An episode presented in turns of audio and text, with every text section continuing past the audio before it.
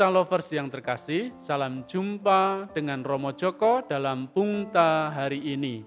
Diambil dari Injil Matius bab 16 ayat 13 sampai 23 dengan judul Drama Media Sosial Zaman Now. Sebuah adegan drama di medsos zaman now. Boleh disimak dan direnungkan. Seorang wartawan bertanya kepada salah satu menteri, "Pak Menteri, apakah Bapak suka ayam goreng atau gulai kambing? Pak Menteri menjawab jujur, kalau saya suka ayam goreng, Dek. Wartawan itu bertanya lagi, ayam goreng pakai tepung atau tidak, Pak? Pak Menteri itu bilang, ya pakai tepung saya suka. Wartawan itu bertanya, seperti KFC atau McD itu, Pak? Timpal wartawan. Ya kira-kira seperti itulah, kata Pak Menteri. Keesokan harinya muncul headline di media. Menteri itu lebih suka ayam goreng KFC model Amerika dan tidak suka gulai kambing tradisional dari Indonesia. Kemudian wartawan media online menulis, terlalu gaya hidup menteri itu kebarat-baratan. Si fakir membaca dan menulis status di FB-nya. Hati-hati dengan menteri itu yang mendukung bisnis liberal kapitalis daripada pertumbuhan ekonomi kerakyatan. Lalu wartawan online abal-abal menulis, menteri itu benci daging kambing yang dihalalkan.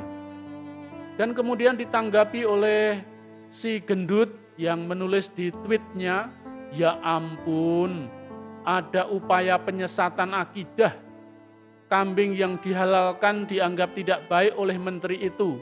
Kita sedang digiring kepada cara pandang kafir.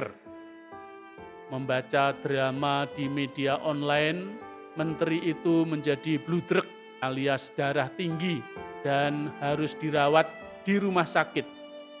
Kemudian si botak menulis di WAG, Mampus lu, Menteri Kualat, berani-beraninya membenci kambing kesayangan Bapak Abraham. Begitulah drama di negeri pecinta sinetron tukang becak naik pesawat ulang alik. Pungta lovers yang berbahagia, Yesus bertanya kepada para muridnya, kata orang, siapakah anak manusia itu? Mereka menjawab menurut omongan banyak orang, ada yang mengatakan Yohanes Pembaptis, ada yang mengatakan Elia, ada yang mengatakan Yeremia, atau salah seorang dari para nabi. Orang ngomong semaunya sendiri dan kadang ditambah dengan penilaian atau persepsi masing-masing dengan sudut pandang yang berbeda-beda. Yesus tidak mau mendengarkan kata orang, maka dia bertanya lagi kepada para murid, "Tetapi apa katamu, siapakah aku ini? Yesus ingin mendengar langsung, bukan kata orang. Ia tidak ingin mendengar katanya, katanya, katanya.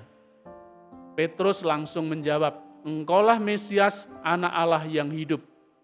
Jawaban ini adalah pengalaman pribadi Petrus yang otentik. Walaupun belum sempurna secara esensi, tetapi dihargai oleh Yesus karena Petrus jujur. Dikatakan belum sempurna karena maksud mesianitas Petrus berbeda dengan mesianitas Yesus. Hal itu nampak ketika Petrus menolak mesianitas Yesus yang menderita, dibunuh, dan kemudian dibangkitkan pada hari ketiga. Bukan Mesias macam itu yang dipikirkan Petrus. Tetapi jawaban Petrus itu jujur dari dalam hatinya sendiri, bukan karena omongan atau kata orang. Kejujuran seperti Petrus itulah yang dihargai. Kita jangan mudah percaya pada kata orang, apalagi berita di media sosial. Berita-berita di medsos itu sering menyesatkan. Jangan mudah percaya dan terpancing membuat kesimpulan.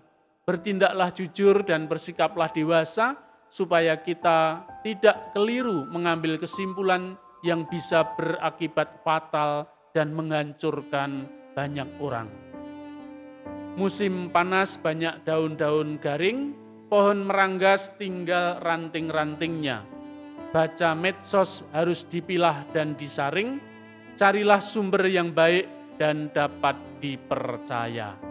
Sampai jumpa, salam sehat, dan jangan lupa bahagia, berkah dalam.